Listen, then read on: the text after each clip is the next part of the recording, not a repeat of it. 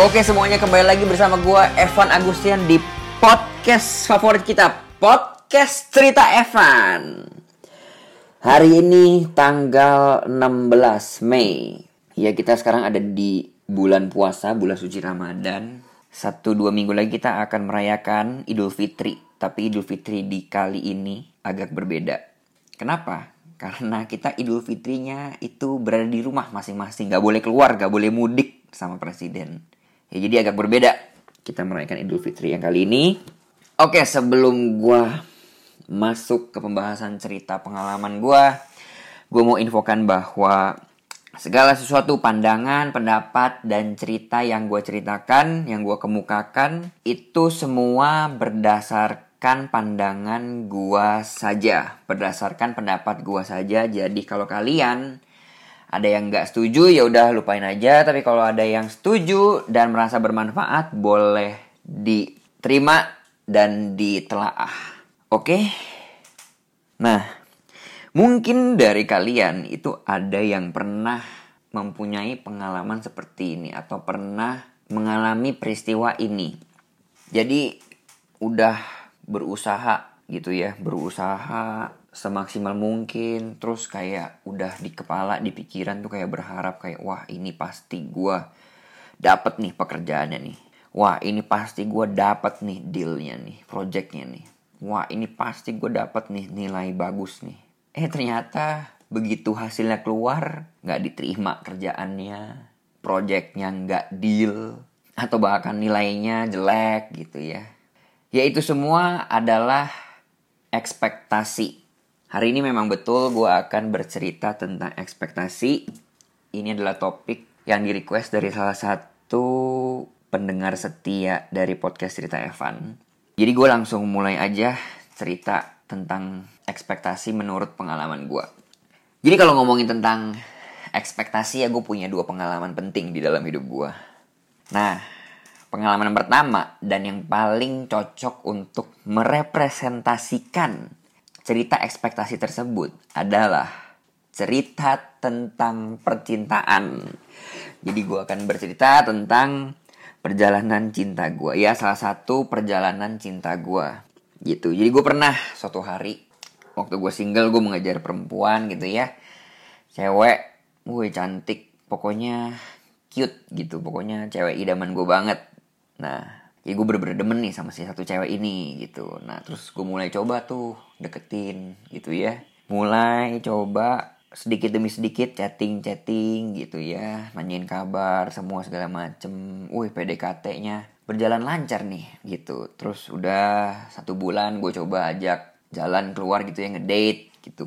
Wih date pertama juga lancar. Date kedua lancar juga. Wih mantep nih. Obrolan makin seru gitu. Sampai date ketiga, wih berhasil juga. Oh mantep nih, jalan mulus nih buat ngedapetin si cewek ini.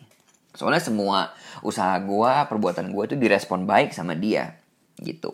Dan udah di titik itu ya, udah seneng banget. Dan pikiran gue ini udah mulai bermain-main nih, udah ke mana-mana nih pikiran gue. Jadi pikiran gue tuh udah kayak, wah gue pasti dapet nih si cewek ini nih wah kalau gue dapet nih si cewek ini pasti gue bakal seneng banget deh gitu. Terus kayak gue udah bakal ngerencanain akan berpacaran ke mana ke mana ke mana ke mana pergi travel ke mana ke mana ke mana ke mana gitu. Jadi pikirannya tuh udah kayak dengan otomatis tuh udah membangun imajinasi imajinasi kalau gue berpacaran dengan si perempuan ini gitu. Padahal nyatanya gue masih di tahap PDKT gitu pendekatan dan tahu nggak hasilnya apa? Setelah date yang ketiga itu dia akhirnya hilang, pergi.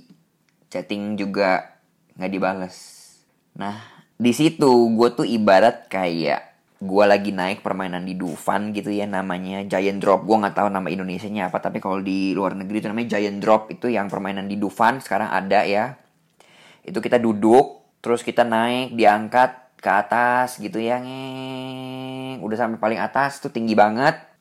Lihat di sekeliling kanan kiri itu udah pemandangan dari atas semua langit doang itu udah sekeliling Dufan itu udah kelihatan jelas perumahan-perumahan di Ancol.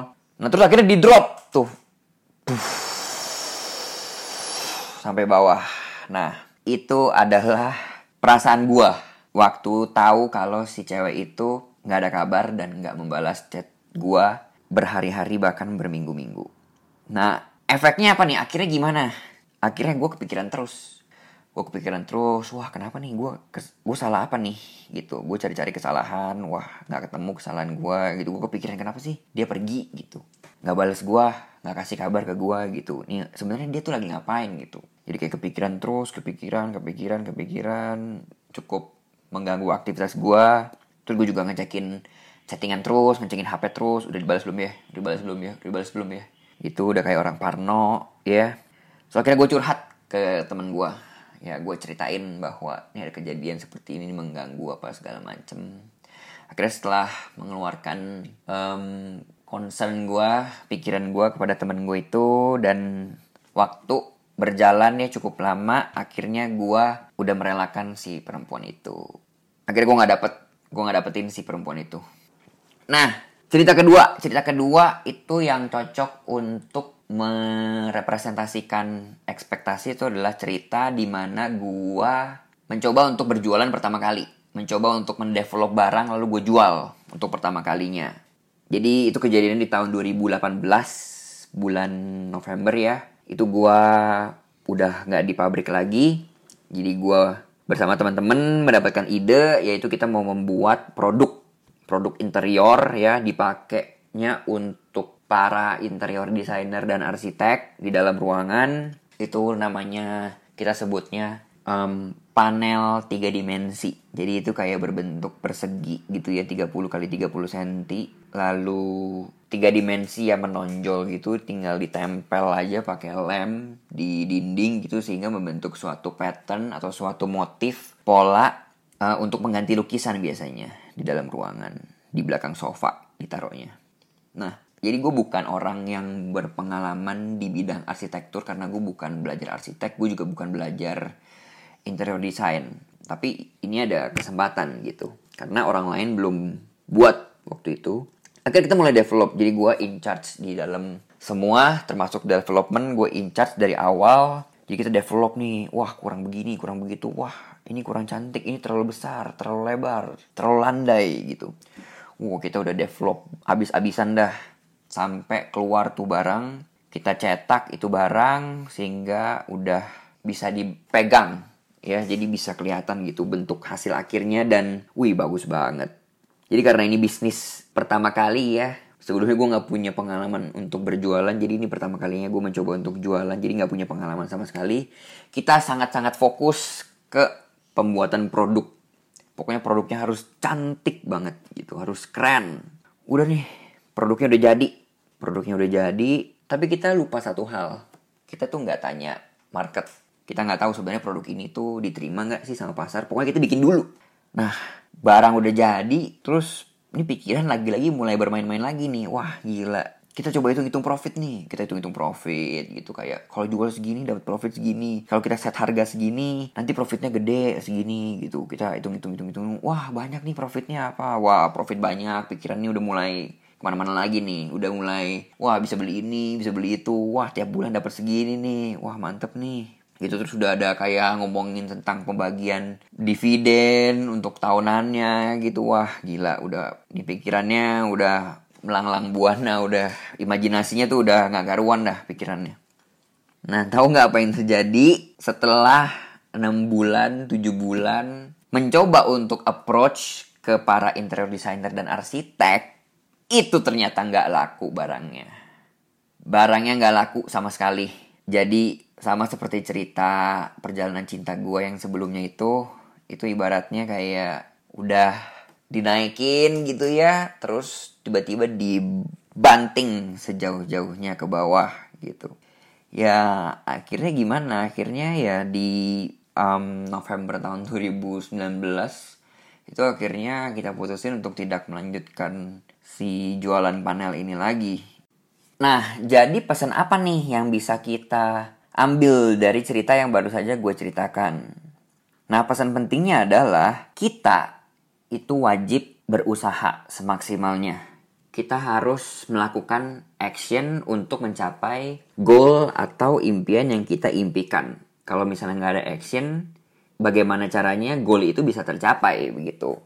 Selain action, kita juga perlu berpikir optimis, berpikir positif. Kenapa? Karena pikiran yang positif dan optimis itu akan menjadi bahan bakar untuk setiap action yang kita lakukan hari-harinya. Supaya kita terpacu, termotivasi setiap hari. Nah, tapi sebaiknya kita itu tidak berekspektasi atau berharap dari hasil yang belum terlihat jelas Maksudnya gimana? Maksudnya adalah jadi kalau kita sudah berusaha semaksimal mungkin ya kita udah kasih satu juta persen dari kita. Nah ya udah sampai situ aja kita buat pikiran kita itu stop sampai di situ saja. Jangan membiarkan pikiran kita itu pergi terlalu jauh, berimajinasi terlalu jauh dengan hal-hal yang belum kelihatan nyatanya di depan kita gitu. Kenapa? Kenapa kita sebaiknya tidak melakukan hal tersebut? Karena jatuh itu kan sakit ya di realita jatuh kena batu dan kulit kita berdarah itu sakit ya. Ini juga sama tapi ini bedanya adalah jatuh di pikiran mental dan hati. Perasaan sakitnya ini itu muncul karena kekecewaan. Jadi kekecewaan ini muncul pada saat hasil yang di realita yang nyata itu nggak sesuai dengan apa yang kita ekspektasi apa yang kita harapkan apa yang kita imajinasikan. Nah, biasanya ini itu terjadi pada saat ekspektasi atau harapan kita ke arah yang positif atau kita berharap sesuatu yang lebih tinggi. Hal ini jarang sekali terjadi pada saat kita berekspektasi atau berharap sesuatu yang rendah tapi hasilnya malah bagus gitu. Itu itu biasanya jarang terjadi.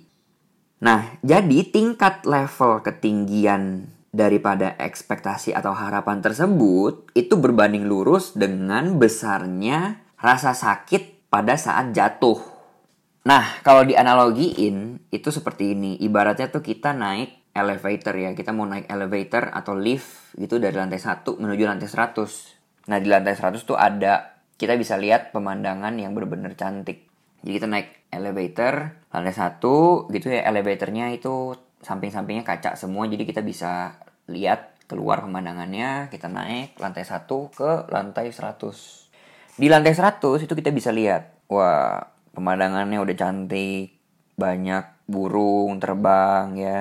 Ada gunung kelihatan jelas langitnya biru wah cantik sekali. Tapi kita nggak bisa keluar dari elevator tersebut. Kita hanya ada di dalam elevator. Lalu pada saat kita lagi melihat pemandangan tersebut dari dalam elevator, tiba-tiba tali elevatornya itu putus dan elevatornya jatuh terjun bebas dari lantai 100 ke lantai 1. Boom! Langsung hancur seketika porak-poranda.